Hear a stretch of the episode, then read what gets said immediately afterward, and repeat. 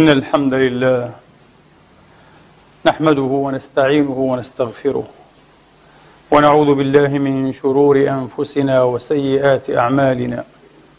من يهده الله فلا مضل له ومن يضلل فلا هادي له. وأشهد أن لا إله إلا الله وحده لا شريك له ولا نظير له ولا مثال له. وأشهد أن سيدنا ونبينا وحبيبنا محمدا عبد الله ورسوله وصفوته من خلقه وأمينه على وحيه. صلى الله تعالى عليه وعلى آله الطيبين الطاهرين وصحابته المباركين الميامين وأتباعهم بإحسان إلى يوم الدين وسلم تسليما كثيرا. عباد الله أوصيكم ونفسي الخاطئة بتقوى الله العظيم ولزوم طاعته. كما أحذركم وأحذر نفسي من عصيانه سبحانه ومخالفة أمره. لقوله جل من قائل من عمل صالحا فلنفسه ومن أساء فعليها وما ربك بظلام للعبيد. ثم أما بعد أيها الإخوة المسلمون الأحباب أيتها الأخوات المسلمات الفاضلات. يقول الله سبحانه وتعالى في كتابه العظيم بعد أن أعوذ بالله من الشيطان الرجيم. بسم الله الرحمن الرحيم. فإذا قرأت القرآن فاستعذ بالله من الشيطان الرجيم. إنه ليس له سلطان على الذين آمنوا وعلى ربهم يتوكلون. إنما سلطانه على الذين يتولونه والذين هم به مشركون. وإذا بدلنا آية مكان آية والله أعلم بما ينزل. والله أعلم بما ينزل. قالوا إنما أنت مفتر. بل أكثرهم لا يعلمون. قل نزله روح القدس من ربك بالحق ليثبت الذين آمنوا. ليثبت الذين آمنوا وهدى وبشرى للمسلمين. ولقد نعلم أنهم يقولون إنما يعلمه بشر. لسان الذين يلحدون إليه أعجمي. وهذا لسان عربي مبين. إن الذين لا يؤمنون بآيات الله لا يهديهم الله لا يهديهم الله ولهم عذاب أليم.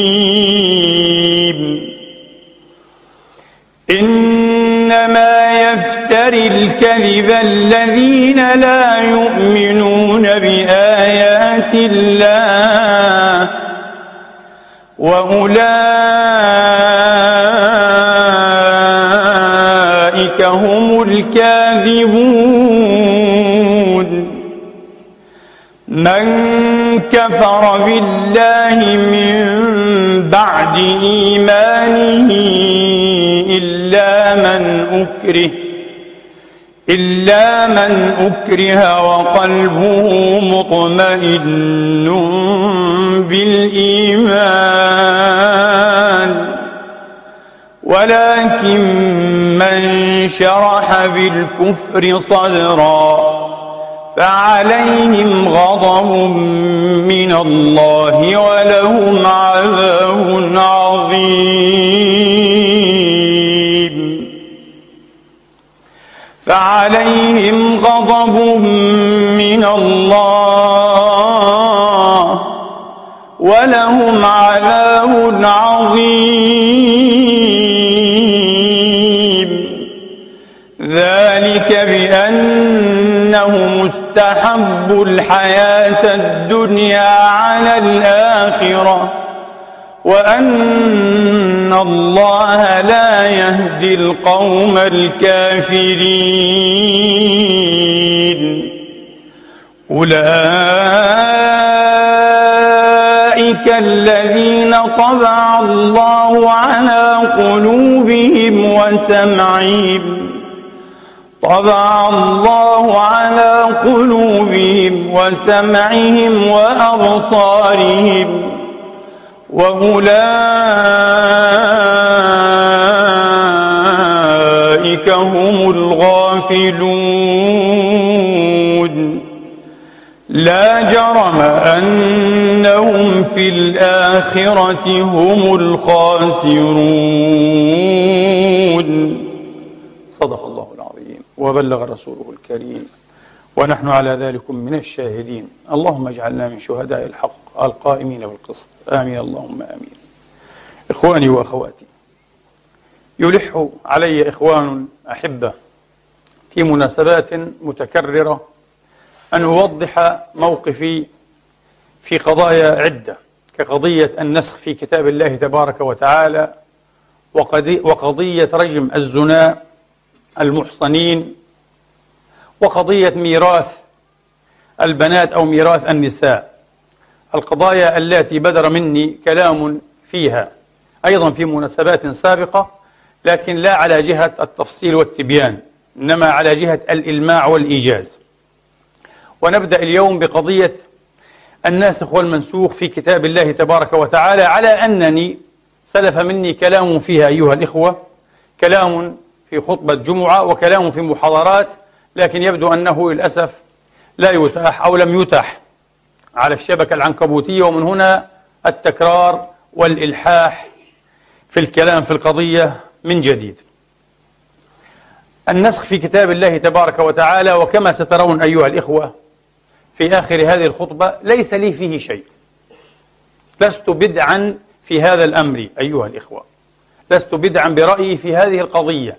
إنما هي آراء ولا أود أن أقول معتبرة حتى لا أتحيز أو أجنح أو أحيد آراء لعلماء أجلاء في القديم والحديث. نعرضها كما هي. كون ارتحت إلى رأي من هذه الآراء فهذا اختياري. ولكل أن يرتاح أيها الإخوة ويجنح إلى ما اطمأنت به نفسه أو ارتاحت له نفسه واطمأن به قلبه. أولا ما معنى النسخ؟ باختصار وأستميح الله تبارك وتعالى وأستمنحه. العون والتسديد والإرشاد كيما أنجح في لم أطراف أو جمع أطراف الموضوع وتقريبه وتيسيره وهو نعم المستعان سبحانه وتعالى. ما هو النسخ لمن ليس لديه فكرة مبدئية عن هذا الموضوع؟ النسخ بعبارة عامية أيها الإخوة إلغاء لحكم شرعي عن طريق الشارع نفسه. لا يملك النسخ أحد إلا الشارع الله تبارك وتعالى وهو الشارع الحقيقي أو الرسول أيها الإخوة وهو شارع مجازا أو شارع بالتفويض على كل حال. هذا هو. بعبارة الأصوليين هي رفع النسخ هو رفع حكم شرعي بدليل شرعي متأخر. لابد أن يكون الناسخ متأخرا عن المنسوخ. فإذا قال الله تبارك وتعالى افعل ثم قال بعد ذلك لا تفعل فهذا نسخ. وإذا قال لا تفعل ثم أباح فقال لك أن تفعل أو افعل فهذا نسخ أيضا فهذا نسخ. وبديه أن النسخ أيها الإخوة مبدئيا لا يكون في الأخبار لأن النسخ إذا كان في الخبر معنى المسألة فيها تفاصيل كثيرة لكن لا نحب أن نصدعكم بها. لكن المشهور لدى العلماء بإيجاز أن النسخ لا يدخل لا مدخلية له في الأخبار لا مدخلية له في الأخبار لأن الأخبار أيها الإخوة هي ما يحتمل الصدق والكذب. فإذا كانت عن الشارع لم تحتمل إلا الصدق فإذا نسخت فقد بطلت. ولازم أو لزم من هذا أيها الإخوة أن تكون كاذبة أن تكون كاذبة والكذب مستحيل على الشارع الحكيم والقول به إلحاد وكفر. ها؟ وخلع للربقة وخروج من الملة. نسأل الله حسن الثبات والتثبيت. اللهم آمين. إذا هذا هو النسخ بعبارة وجيزة. المسألة الثانية هل من دليل قطعي على وقوع النسخ في كتاب الله. نحن طبعا لن نمط ولن نبسط المسألة حتى نتكلم عن النسخ في السنة أيضا. لا. اليوم نحصر حديثنا أيها الإخوة ونقصره على النسخ في كتاب الله تبارك وتعالى. في كتاب الله تبارك وتعالى. فهل من دليل قطعي في الكتاب أو السنة أيها الإخوة على وقوع النسخ في كتاب الله؟ لا. دليل قطعي غير موجود. لا في الكتاب ولا في السنة. موجود ظواهر. والظواهر أيها الإخوة كما تعلمون أو يعلم بعضكم وبعضكن قابلة للتأويل لكنها ليست نصوصا. فلا تقل لي إن قوله تعالى ما ننسخ من آية نصف النسخ غير صحيح. هذا الظاهر في النسخ وليس نسخا. والظاهر يقبل التأويل. والظاهر يقبل التأويل. ما معنى ظاهر؟ يعني معنى أيها الإخوة قد يترجح بنسبة 60 70 80% لكن المعنى الآخر المرجوح قد يصح أيها الإخوة. وقد يصار إليه وقد يصار إليه باجتهاد مجتهد باجتهاد مجتهد. طيب. إذا ليس في كتاب الله ولا سنة رسوله دليل على وقوع النسخ. واحد يقول لي كيف؟ كيف وقد تلوت علينا صدر الخطب الخطبة؟ وإذا بدلنا آية مكان آية والله أعلم بما ينزل. قالوا إنما أنت مفتر. قالوا إنما أنت مفتر تفتري.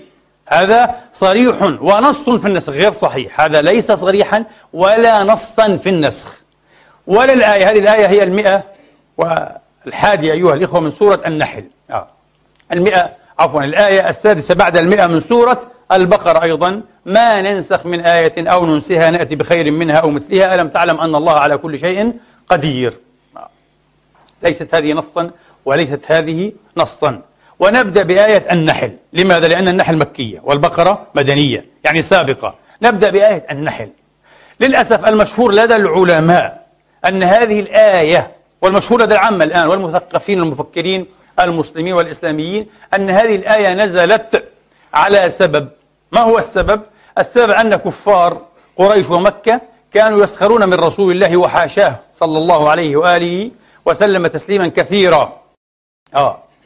يقولون محمد يعبث بأصحابه يحل لهم اليوم شيئا ثم يحرمه إيه من غد يحرم عليهم اليوم شيئا ثم إيه يحله من غد. وهذا كلام ساقط لأول درجة من درجات الاعتبار والنقاش. هذا كلام فارغ. لماذا؟ على أن مفسرين كبارا أيها الإخوة ضمنوه كتبهم في التفسير. كلام لا معنى له ولا يمكن أن يصح. لماذا؟ لأن السورة مكية والآية مكية بالاتفاق. ومكة لم تكن مجالا أيها الإخوة فضاء للتشريع. أوجدونا تشريعا واحدا في مكة نسخ في مكة. انتبهوا من كان يدعي دعوة عليه أن يأتي بالبين عليه أن يأتي بالبينة لأن الدعاوى إن لم ما لم تقيموا عليها أي بينات أبناؤها أدعياء نصبح نحن أدعياء أيضا. آه أصحاب دعاوى فارغة باطلة. لا يوجد تشريع واحد أيها الإخوة. إن وجد وزعم زاعم أنه وجد فنقول له أوجدناه. أوجدنا هذا إيه؟ التشريع. لا يوجد تشريع واحد في مكة لشيء. في أمر من الأمور ثم نسخ في مكة حتى يحمل آه كفار مكة على أن يسخروا من رسول الله وحاشا. أين هذا التشريع؟ غير صحيح. التشريعات أصلا في مكة كانت منزورة جدا جدا جدا. كانت منزورة جدا. فأن يقال الآية نزلت على هذه الخلفية هذا كلام غير صحيح. هذا كلام غير صحيح. على أن وهذا الحق لابد أن نسرده ونذكره على أن معظم المفسرين أيها الإخوة عبر العصور ذهبوا إلى أن آية النحل ليست في نسخ القرآن بعضه لبعض أيها الإخوة أبدا. وإنما ذهبوا إلى أنها في نسخ الشرائع. شريعة محمد نسخت أشياء وأمورا من شريعة عيسى أو موسى. طبعا عيسى لا يعني يكاد ألا يكون له شريعة لأنه لم يأتي لينقض إيه شريعة موسى المعروفة بالناموس. قال ما جئت إيه؟ لأنقض الناموس. إنما جئت جئت لأقيم الناموس. الناموس هو شريعة موسى. هي معنى الناموس. شريعة موسى. عليهم جميعا وعلى آل كل الصلوات والتسليمات. فمعظم المفسرين أن آية النحل في نسخ الشرائع أي ما نسخ من الشرائع السالفة بشرع محمد. هذا لا إشكال فيه. هذا نوافق عليه. أن شرع محمد جاء ناسخا لأشياء في الشرائع السابقة هذا طبيعي معقول ومقبول ويقع. أيها الإخوة يقع. الشرائع الإلهية ينسخ بعضها إيه؟ بعض ما في بعض بعض ما في بعض. هذا مقبول. إذا حتى عند معظم المفسرين هذه الآية ليست نصا في نسخ القرآن بعضه لبعض أن القرآن ينسخ بعضه بعضا آيات منسوخة. إذا سقط الاستدلال بها أيها واحد يقول له إيش المعنى؟ الله يقول وإذا بدلنا آية مكان آية. والله أعلم بما ينزل. قالوا إنما أنت مفتر. بل أكثرهم لا يعلمون. شوف عظمة القرآن الكريم. قال بل أكثرهم لا يعلمون. تعرفون لماذا؟ لأنهم كفار قريش. لا علم لهم بالكتب السماوية وبالدساتير الإلهية. لذلك نسبهم إلى عدم العلم. لو كانوا اليهود والنصارى واليهود بالذات في المدينة ما قال إيه؟ لا يعلمون. ما قال لا يعلمون. القرآن دقيق ومعجز أيها الإخوة. على كل حال. ما معنى هذه الآية؟ الآية في كتاب الله أيها الإخوة كما قلنا غير مرة تطلق بإزاء الآية التدوينية الآية القرآنية يعني التشريعية المتلوة بإزاء الآية التدوينية وتطلق بإزاء الآية التكوينية. وكأي من آية في السماوات والأرض يمرون عليها وهم عنها معرضون. الشمس وجعلنا الليل والنهار إيه؟ آيتين. الشمس آية والقمر آية النجوم البرق الرعد الجبال الشجر خلق الدواب خلقة الإنسان أه؟ كل هذه آيات أيها الإخوة. وتطلق أيضا وهو فرع من الآيات التكوينية خارج عن منهاجها. فرع من الآيات التكوينية خارج عن منهاجها. ما هو منهاج الآية التكوينية؟ الاضطراد على سنن واحد. الاضطراد إيه؟ على سنن واحد. إذا كسر واختل هذا الاضطراد لنبي كانت آية نبي كانت آية نبي معجزة لنبي. معاجز الأنبياء تسمى ماذا؟ تسمى آيات. هذا في كتاب الله في عشرات المواضع. في عشرات المواضع. الله يسمي معاجز يعني معجزات.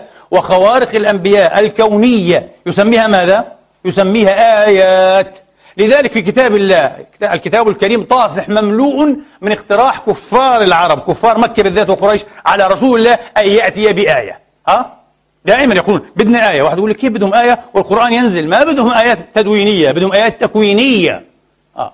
أن يصعد في السماء أن يشق لهم الأرض آه. أن تكون له جنة من نخيل وأعناب آه. أن ينزل الله معه من السماء كتابا إيه؟ يقرأ بعد إذ إيه؟ صعد في السماء. أمثال هذه الأشياء المذكورة في سورة الإسراء وفي غيرها من السور الكريمات المباركات. هذه آية. آه. هذه ناقة الله لكم آية فذروها تأكل في أرض الله ولا تمسوها صالح يقول لقومي آية يعني آية معجزة معجزة. آية عيسى ها؟ عيسى كان أتى بالآيات الكثيرات أيها الإخوة المبهرات المعجبات ها؟ قال إيه؟ قال إن في ذلك لآية لكم. آه. إن كنتم مؤمنين. لأنه إيه؟ ينبئهم بما يأكلون وما يدخرون. قال هذه آية.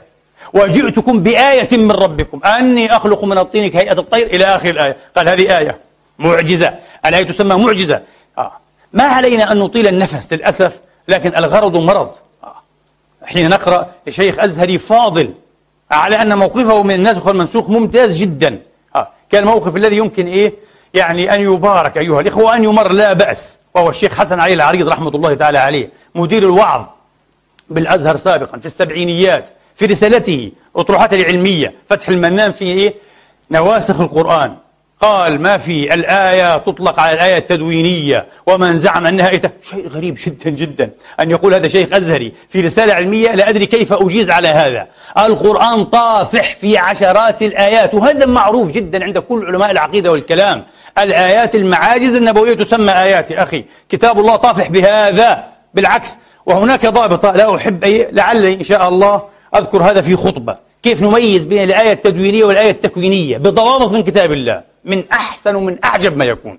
هذا كله يهدر إذا زعمنا أن الآية لا تطلق إلا بإزاء إيه؟ بإزاء الآية التدوينية وهو غلط غلط غلط. بإزاء التدوينية وبإزاء التكوينية وبإزاء التكوينية. في تسع آيات إلى فرعون وملئه. من بعث بها؟ موسى. الله عز وجل أعطاه تسع إيه؟ آيات. وقال في تسع آيات. هذه آيات أيضا. هذه آيات. فلا نطول بهذا. إذا وإذا بدلنا آية مكان آية. والله واحد يقول لا. آه. تفسيرك هنا ضعيف. لماذا؟ لأن الله قال وإذا بدلنا آية مكان آية والله أعلم بما ينزل. إذا هي الآية التدوينية. غير صحيح. الله عز وجل ينزل الآيات التدوينية والآيات التكوينية الخوارق والمعجزات قال تعالى إن نشاء أه؟ ننزل عليهم من السماء آية فظلت أعناقهم لها خاضعين في أول الشعراء فهذه الآية ماذا؟ تدوينية أو تكوينية؟ لا تكوينية معاجزية خوارقية عجائبية هذا هو أيها الإخوة وأيضا لها نظائر في كتاب الله تؤكد أن الآيات المعاجزية تتنزل أيضا من عند الله. تتنزل أيضا من عند الله. هذا لا يعكر على آية النحل على تفسيرنا لآية النحل.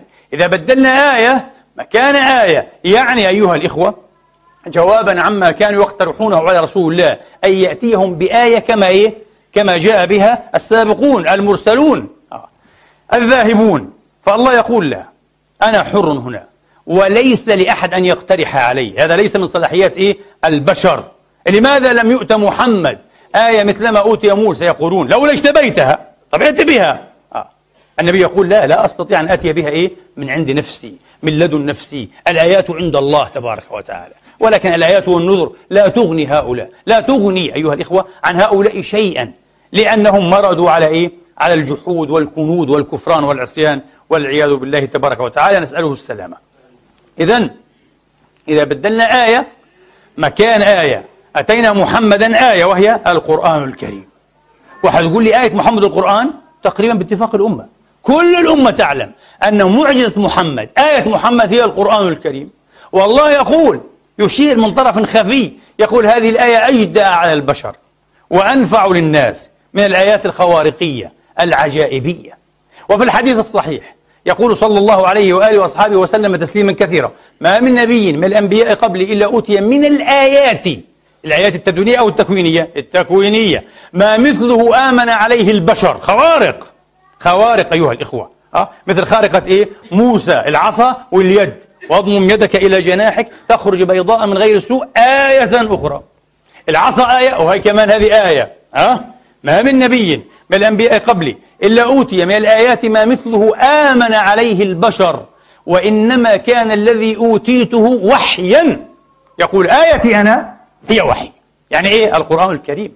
يا له من آية. أعظم به من آية. لمن تدبرها لمن وعاها لمن تعبد الله بتدبر ما فيها. اللهم أعطنا ذلك. ووفر حظنا منه. برحمتك يا أرحم الراحمين ولطفك الخفي. وإنما كان الذي أوتيته وحيا أوحاه الله إلي. وإني لأرجو أن أكون أكثرهم تابعا يوم القيامة. وإن شاء الله هو كذلك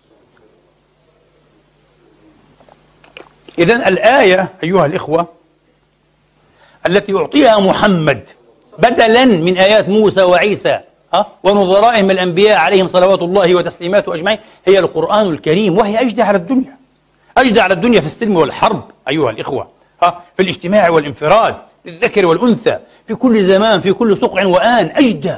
القرآن هذا أنشأ حضارة بالأمس يسألني أحدهم يقول لي هذه العلوم التي نفسر بها كتاب الله كيف نشأت؟ قلت له في ظل دوحة القرآن الكريم. حتى تعلموا عظم منة ويد القرآن على هذه الأمة وعلى علومها. لولا القرآن ما عرفنا النحو والصرف والبيان والبديع والمعاني وسائر علوم التنزيل. لكن هذه العلوم بالذات الأدبية واللغوية نشأت في ظلال دوحة القرآن المكرم أيها الإخوة. فخلد القرآن لغتنا. فخلد القرآن هذه اللغة. وأعز إيه؟ وأعز أمتها بها. أصبحت لغة حضارة. وفي يوم من الأيام هذه اللغة أيها الإخوة كانت هي لغة التواصل الحضاري عبر العالم. عبر العالم. هذا موضوع حتى لا نستطرد كعادتنا. نعود أيها الإخوة. إذا إذا بدلنا آية مكان آية والله أعلم بما ينزل. قالوا إنما أنت مفتر. قالوا لا هذا الذي أتيتنا به لا نؤمن به. هذا مجرد افتراء أنت افتريته من عندك. نريد آية كونية. ثم أيها الإخوة يضطرد السياق يمشي السياق أيها يتواصل السياق يرد عليهم. ومن السياق نعلم أنهم لم يحتجوا في قضية إيه؟ ناسخ ومنسوخ غير صحيح. إنما احتجوا على القرآن كله لم يقنعوا به آية. أرادوا معجزة خارقة كونية. هذا ما يعطيه السياق هذا ما يعطيه السياق. نأتي الآن إلى الآية السادسة بعد المئة من سورة البقرة. ما ننسخ من آية أو ننسها نأتي بخير منها أو مثلها؟ نفس الشيء. الآية المنسوخة هي آية موسى آية عيسى صالح إلى آخره. نسخت. لم يؤتها محمد لم يؤت مثلها محمد. إنما أوتي إيه؟ أوتي آية هي خير منها. القرآن العظيم خير الآيات. ولو قرأت السياق بتدبر أيها الإخوة لأعانك السياق على الجنوح إلى هذا التفسير والمعنى. يقول ما ننسخ من آية أو ننسها نأتي ب... لماذا ننسيها؟ لطول لتطاول العهد بها. إيه هذه معجزة قبل 2000 سنة قبل 3000 سنة قبل 700 سنة. أن نسوها ما ننسخ من آية أي معجزة كونية مش آية تشريعية. ما ننسخ من آية أو ننسها نأتي بخير منها أو مثلها. ألم تعلم أن الله عليم حكيم؟ أبدا. ماذا قال؟ لو المسألة في الآيات التدوينية التشريعية لا ناسب أن تكون الفاصلة التذييل لا ناسب أن تكون الفاصلة ماذا؟ ألم تعلم أن الله عليم حكيم. عليم يعلم ماذا يشرع ومتى يشرع ومتى ينسخ شرعه وإلى ماذا إلى أهون إلى أدنى إلى آخره. واضح؟ لكن الله لم يقل ألم تعلم أن الله عليم حكيم. ماذا قال إخواني وأخواتي؟ قال ألم تعلم أن الله على كل شيء قدير. لأن المطلوب آية إيه؟ خوارقية. الله يقول لهم لا. نحن لا نستجيب لمقترحاتكم أه؟ ليس عن عجز ليس عن ضعف بالعكس أنا على كل شيء قدير. وأستطيع أن أوتي صفوتي وخيرتي من خلقي أعظم من كل ما أوتيه الأنبياء والرسل من قبلهم الآيات الخوارقية. لكن لا أريد هذا. أنتم لا تقترحون علينا. أنت انتهى. هذا مفتتح عهد جديد لا بد أن تجنح فيه البشرية إلى إيه؟ إلى مناشدة العقل إلى إلى توقير العقل. لا فقط إلى إيه؟ إلى معطيات الحس خوارق حسية. لا لا. أبدا. وهذا ما حدث بفضل الله تبارك وتعالى. ألم تعلم أن الله على كل شيء قدير؟ ألم تعلم أن الله له ملك السماوات والأرض؟ وما لكم من دون الله من ولي ولا نصير؟ أم تريدون؟ السياق مهم جدا. كونتكست أم تريدون أن تسألوا رسولكم كما سئل موسى من قبل؟ مبلغ علمنا أن موسى لم يسأل يوما أن يأتيهم بآية تدوينية. بالعكس بنو إسرائيل لم يحبوا التدويني لم يحبوا التكاليف افعل ولا تفعل. بالعكس الله رفع الطور فوقهم وقال لهم خذوا ما آتيناكم بقوة لا يحبون أن يأخذوا به. يستزيدون منه؟ مستحيل. لم يقل بهذا مفسر اذا ما الذي سئله موسى؟ ما الذي سأله بنو إسرائيل من موسى؟ تعلمون هذا في كتاب الله. آه. سألوه أشياء كثيرة هي كلها مسائل ماذا؟ مسائل خوارقية. ومسائل إيه؟ عجائبية. معاجز. أم تريدون أن تسألوا رسولكم كما سئل موسى من قبل؟ ومن يتبدل الكفر بالإيمان فقد ضل سواء السبيل. واضح جدا جدا. بنو إسرائيل ماذا سألوا عيسى؟ ها؟ سألوا مائدة من السماء. فيها طبيخ وعسل وأباهير وأبازير وأسماك مقلة شيء غريب جدا يا أخي. قال من السماء تنزل. تكون إيه؟ لنا عيدا لأولنا وآخرنا وآية منك. وارزقنا. هكذا دعوا الله تبارك وتعالى في محضر إيه؟ عيسى الذي اقترحوا عليه هذا. وآية ماذا طلبوا؟ طلبوا هذه الآية آية طبيخ ونفيخ آية البطون. أين هم من آية العقول؟ كتاب الله المعجزة الخالدة المعجزة الخالدة. إذا الآن حتى نتدرج منهجيا. واحد يقول لي والله هذا أمر عجب.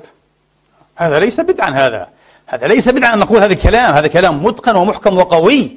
أيها الإخوة واحد يقول لي غريب جدا. منهجيا في اختلال في المسألة. لماذا؟ لأن كتاب الله تبارك وتعالى كما أطبقت الأمم من عند آخرها لا يختلف فيه فيه مؤمنان. صادق الإيمان. متواتر من أوله حتى إيه؟ آخر حرف. أليس كذلك؟ متواتر. قطعي الثبوت. نجزم على غيبه. نجزم إيه؟ على غيب القرآن. أنه إيه؟ من عند الله. نؤمن بهذا تماما كما نؤمن بالله. طيب هذا المتواتر قطعي الثبوت كيف يصار إلى نسخ بعض ما فيه والداهية التي ما لها من واهية؟ حتى نسخ الخط والرسم. آيات وجدت واختفت بالكامل غير موجودة الآن لا تتلى. مش بس نسخ الأحكام يبقى الخط والرسم ولا يعمل بالحكم يبطل الحكم. لا. حتى إيه؟ الرسم والخط ينسخان. شيء غريب جدا. بماذا؟ كيف ينسخ هذا المتواتر؟ لابد لابد أن يشترط في ناسخه أيها الإخوة. أن يكون ماذا؟ مثله متواترا. ولا بد أن يشترط في الخبر عن وقوع النسخ بين متواترين أن يكون ماذا؟ مثلهما متواترا. وإلا لا يمكن أن أرفع على المتواتر بظني أنا. والله عندي خبر بقوله قال الرسول قال ابن عباس منسوخ. لا لا لا, شو قال يا أخي؟ هذا كلام أحاد. أرفع به كتاب الله أرفع به حكم الله المتعبد به. الأمة كلها متعبدة بهذا الحكم القطعي الثبوت. وإن كان ظني الدلالة. أرفع هذا الحكم أو أرفع حتى إيه؟ المتلو نفسه مع حكمه أو من غير حكمه مع بقاء حكمه أي ثلاثة أقسام. بخبر أحد في اختلال منهجي هنا في اختلال منهجي هنا. لكن قبل أن أوضح هذا لكم بعبارة أفصح وأوضح إن شاء الله بعون الله قد يقول قائل ورسول الله يا رجل ألم يقل هذه الآية نسختها هذه وهذه؟ أبدا أبدا. فاطمئنوا. لا يوجد في سنة المصطفى المقبولة الصحيحة والحسنة ولا حديث واحد. وتحدوا بهذا العالمين. روحوا تحدى بصدر واسع وقول أتحدى العالمين. أوجدني حديثا واحدا. صح عن رسول الله أو حتى حسن. ها؟ يقول فيه الرسول الآية الفلانية نسختها الآية العلانية. باستثناء حديث واحد رواه أبو الحسن الدارقطني وأبو بكر البيهقي. عن علي عليه السلام مرفوعا. قال صلى الله عليه وآله وأصحابه وسلم. هذا معنى أنه مرفوع عن النبي يعني. إيش قال؟ قال عليه السلام نسخت الزكاة. يعني آية الزكاة. كل صدقة. ونسخ غسل الجنابة كل غسل. ونسخ صوم رمضان كل صوم. ونسخت إيه؟ الأضحية كل ذبح. واضح أنه نسخ ونسخ أنه هذا إيه؟ ليس عليه جلالة النبوة ولا طلاوة إيه؟ كلام صاحب الرسالة أفصح من نطق بالضاد. وواضح أنه منزل على اصطلاح حادث هذا نسخ هذا باصطلاح حادث. على كل حال حتى إيه؟ نكفيكم. مؤونة البحث والتأويل الحديث هذا فيه كذاب.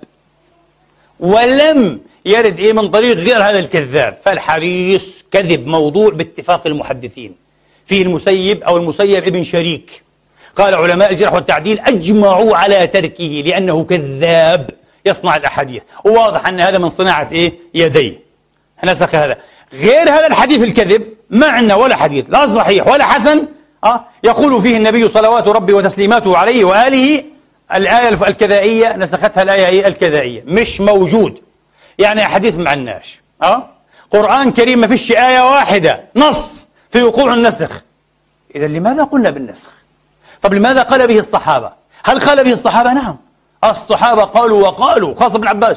هذه الآية نسخت هذه هذه نسخت هذه. لكن انتبهوا هذا مهم جدا أن ننبه على ما نبه عليه الأئمة. ومن أحسن هؤلاء الأئمة تنبيها الإمام ابن قيم الجوزية رحمة الله تعالى عليه في الإعلام إعلام الموقعين عن رب العالمين. يتلوه أبو إسحاق الشاطبي في الموافقات. وفي المتأخرين من أهل القرن الثالث عشر الهجري أحمد بن عبد الرحيم شاه ولي الله الدهلوي في الفوز الكبير في أصول التفسير. هؤلاء الثلاثة أحسن من نبهوا وبالذات الشاطبي حقيقة. الشاطبي أتى ببضعة ببضع وعشرين قضية وواقعة نسخ. قال فيها الصحابة هذا نسخ هذا هذا منسوخ بهذا هذا نسخ هذا. لكن في معظمها على الإطلاق استخدموا النسخ بإزاء معناه اللغوي. طبعا النسخ لغة له أربعة معاني لا نطول بذكرها لكن استخدموه بمعنى إيه؟ شيء يزيل شيئا. الإزالة في المكان أو في الزمان أو في الأحوال أو في إلى آخره. آه. شيء يزيل شيئا اسمنا. يقال نسخت الشمس الظل. نسخت الشمس الظل بالمعنى اللغوي. ما معنى هذا؟ بمعنى أن الصحابة أتوا إلى آية خصت بآية أخرى. فلم يقولوا هذا إيه؟ عموم هذه أه خصه ما في هذه أبدا. أو هذه خصت عموم هذه. ماذا قالوا؟ هذه نسخت هذه. النسخ هنا اصطلاحي أو لغوي؟ لغوي. ما عندناش مشكلة. القرآن فيه عمومات أه وفيه إيه؟ مخصصات. والتخصيص يقع بالمخصصات الخمسة. يقع بالشرط يقع بالصفة يقع بالغاية أيها الإخوة يقع إيه؟ ببدل البعض ويقع بالاستثناء. هذه المخصصات الخمسة في علم أصول الفقه. كل هذا وارد في كتاب الله سبحانه وتعالى. طيب إذا وقع التخصيص بأحد هذه المخصصات الخمس بنقول نسخ ولا بنقول تخصيص؟ لا الصحابة كانوا يقولوا نسخ اصطلاحات. لا مشاحة في الاصطلاح لا تضيق في الاصطلاح. لكن علينا أن نفهم اصطلاح الصحابة رضوان الله عليهم وألا نغلط عليهم وننزل كلامهم. على ماذا؟ على مذاهبنا واصطلاحاتنا في ماذا؟ في تعريف النسخ. نقول ها الصحابة أثبتوا النسخ. كيف تنكر؟ نقول لا أي نسخ؟ النسخ بمعنى تخصيص العام نحن نثبته. وفي كتاب الله كثير جدا جدا هذا. حتى غامر بعضهم وفي خطأ هنا فقال ما من عموم في كتاب الله إلا خص إلا عمومات يسيرة. نحو الله على كل شيء قدير بكل شيء عليم. الكليات الإلهية. هذه لا إيه؟ لا يدخلها تخصيص. وفي نقاش أيضا. حتى هذا فيه إيه؟ نقاش الجهات شوي معقد على كل حال. طيب إذا الصحابة استخدموا بهذا المعنى. تقييد المطلق لدينا مطلق وهناك ما يقيده. الصحابة ماذا سموا؟ نسخا. يعني الله عز وجل حين أباح آه، لأحرار المؤمنين أن يتزوجوا إماء المؤمنات. يعني الإماء المؤمنات مش حرائر لأن هذا يرق الولد مش كويس هذا. إيش الله قال؟ عز وجل؟ ومن لم يستطع منكم طولا. ضعيف. القدرة المادية هي معنى الطول هنا. ومن لم يستطع منكم طولا أن ينكح المحصنات المؤمنات ما معنى الإحصان هنا؟ الحرية الحرائر هنا. انتبهوا عاد. لأن الإحصان يطلق بإزاء ثلاثة معاني أيضا. هنا بمعنى إيه الحرية. المحصنات المؤمنات فمما ملكت أيمانكم من فتياتكم المؤمنات. بعضكم من بعض الله ثم قال في نفس الآية الخامسة والعشرون من سورة إيه؟ النساء. ذلك لمن خشي العنة منكم. قالوا هذه نسخت إيه؟ الآية. كيف نسخت الآية؟ عجيب. هل فهمتم نسخا أنتم؟ أم أن الآية كلها تتجارى إلى تقرير غاية واحدة وتأكيد معنى واحد؟ متضح وواضح. الله يقول من ليس عنده قدرة مادية ويخشى الوقوع في الزنا في الفاحشة أو الفاحشة عموما. في هذه الحالة الله يقول لا بأس أرخص له أن ينكح ماذا؟ الإماء. المؤمنات بشرط أن تكون إيه مؤمنة. انتبهوا واحد يقول لي كيف؟ ما هو جائز يعني. لا يا أخي مش التسري. مش تشتري إيه إماء الحين ما فيش طبعا. واحد يقول آه حدث عن الإماء عندنا جننوني. آه. بقول لك أي كلمة وبقول لك أي كأنك أنت إيه تقر بهذا الآن. يعني طريقة عجيبة في الفهم. نسأل الله يعطينا عقلا وفهما. أنا بتحدث عن الشيء كما هو لكن كل شيء له حكمه. على كل حال آه. يقول لك أيوه هي إماء مش هذا المقصود. على كل حال. فإذا إيه؟ مش تشتري إيه أما وتتسرى بها. لا لا هذا جائز بلا خلاف يعني. آه وإنما المقصود أن تنكحها بعقد شرعي تعطيها مهرا. هذا الذي يرق الولد هذا الذي يرق إيه؟ الأولاد. مشكلة ثانية هذا غير التسري. غير نكاح إيه؟ عفوا غير الدخول بالإماء يعني إيه؟ أو التسري بالإماء. اسمه نكاح زواج زواج كما تزوج الحرة. الله تبارك وتعالى قيد حل نكاحهن. أي الإماء بماذا؟ بقيد إيه؟ خشية العنت. الخوف من الوقوع في إيه؟ في العنت. هذا معنى خشية العنت. قال ذلك لمن؟ ماذا جعله الصحابة؟ من باب الناسخ والمنسوخ. قال لك هذا نسخ هذا. هنا أطلقوا النسخ بإزاء أي معنى؟ بإزاء التقييد تقييد المطلق. فسموا تقييد المطلق إيه؟ نسخا. لا بأس. لا مشاحة في الاصطلاح. لكن ليس النسخ الشرعي. وهو إبطاء العمل إنهاء العمل بحكم شرعي وإلى الأبد. مرة وإلى الأبد. غير التخصيص. واحد يقول لي طب أنت قلت التخصيص والنسخ. إيش الفرق؟ فرق كبير جدا جدا. حين أقول لك آه أعطي هؤلاء آه أعطي الذين في المسجد. هذه من ألفاظ العموم أليس كذلك؟ كلهم. يعني أقول لك إلا فلانا. هذا نسخ ولا تخصيص؟ تخصيص. تخصيص بماذا؟ بالاستثناء. وزي ما قلنا في تخصيص بالصفة وفي تخصيص بالشرط وفي تخصيص إيه؟ ببدل إيه؟ البعض إلى آخره. وفي تخصيص بالغاية. حتى كذا إلى كذا. إلى أن كذا كذا. هذا؟ التخصيص ليس نسخا. لماذا؟ طبعا الفروق بين التخصيص والنسخ قريب من عشرين فرقا. من أحب أن يقف عليها كلها وجيد أن يقف عليها دارس الأصول فليعد إلى الإمام الزركشي البحر المحيط. ذكر أي زهاء عشرين فرقا بين النسخ والتخصيص. لكن أنا أعطيكم فرقا واحدا يناسب مقام خطبة الجمعة. النسخ تبديل. خلاص. كان حلالا صار حراما. تبدل بالكامل. أه؟ والتخصيص تقليل. تقليل. أعطي الذين في المسجد. إلا فلانا وفلانا. تخصيص. قل عددهم أو لم يقل. قل. قل اثنين. قل اثنان عفوا. هذا هو. فالتخصيص تقليل والنسخ تبديل. هذا من أهم الأشياء. وفي طبعا فروق كثيرة جدا كما قلنا إيه؟ زهاء عشرين فرقا. آه. كتاب الله فيه تخصيص للعام. الصحابة سموه ماذا؟ نسخا. نسخا. قال الله تعالى في آخر الشعراء والشعراء يتبعهم الغاوون. ألم تر أنهم في كل واد يهيمون؟ وأنهم يقولون ما لا يفعلون إلا الذين آمنوا وعملوا الصالحات وانتصروا من بعد ظلم وذكروا الله كثيرا من بعد ظلم إلى آخره. ماذا قال ابن عباس؟ ها؟ فنسخ من ذلك ما شاء. قال هذه نسخة هذه. في الآية. كيف نسخ؟ مش نسخ هذا استثناء تخصيص خص من هؤلاء الشعراء المذمومين من ذكرهم بهذه النعوت والأوصاف؟ آه، شعراء المؤمنين اللي بيذكروا الله وبنتصروا بعد ظلم هذول ما في عليهم أي شيء. ما عليهم من بأس. ابن عباس سماه ماذا؟ سماه نسخا. هذا النسخ هو نسخ الأصوليين رفع حكم شرعي بدليل شرعي متأخر أو نسخ اللغة. النسخ اللغوي. نسخ اللغة. هذا نقول به. ما عندنا مشكلة فهمتم؟ أنا أقول به ما ليس لدينا أي مشكلة لكن ليس هو محل النزاع ليس هو محل النزاع. لا نطول بهذا. الإمام الشاطبي أوعب في هذا الموضوع. رحمة الله عليه في الموافقات. أتى كما قلت لكم ببضع وعشرين قضية من هذا الباب. عودوا إليه تستفيدوا إيه؟ استفادة جمة. كيف الصحابي قال هذا نسخ ومش نسخ؟ هذا بيان. طب في أشياء بيان.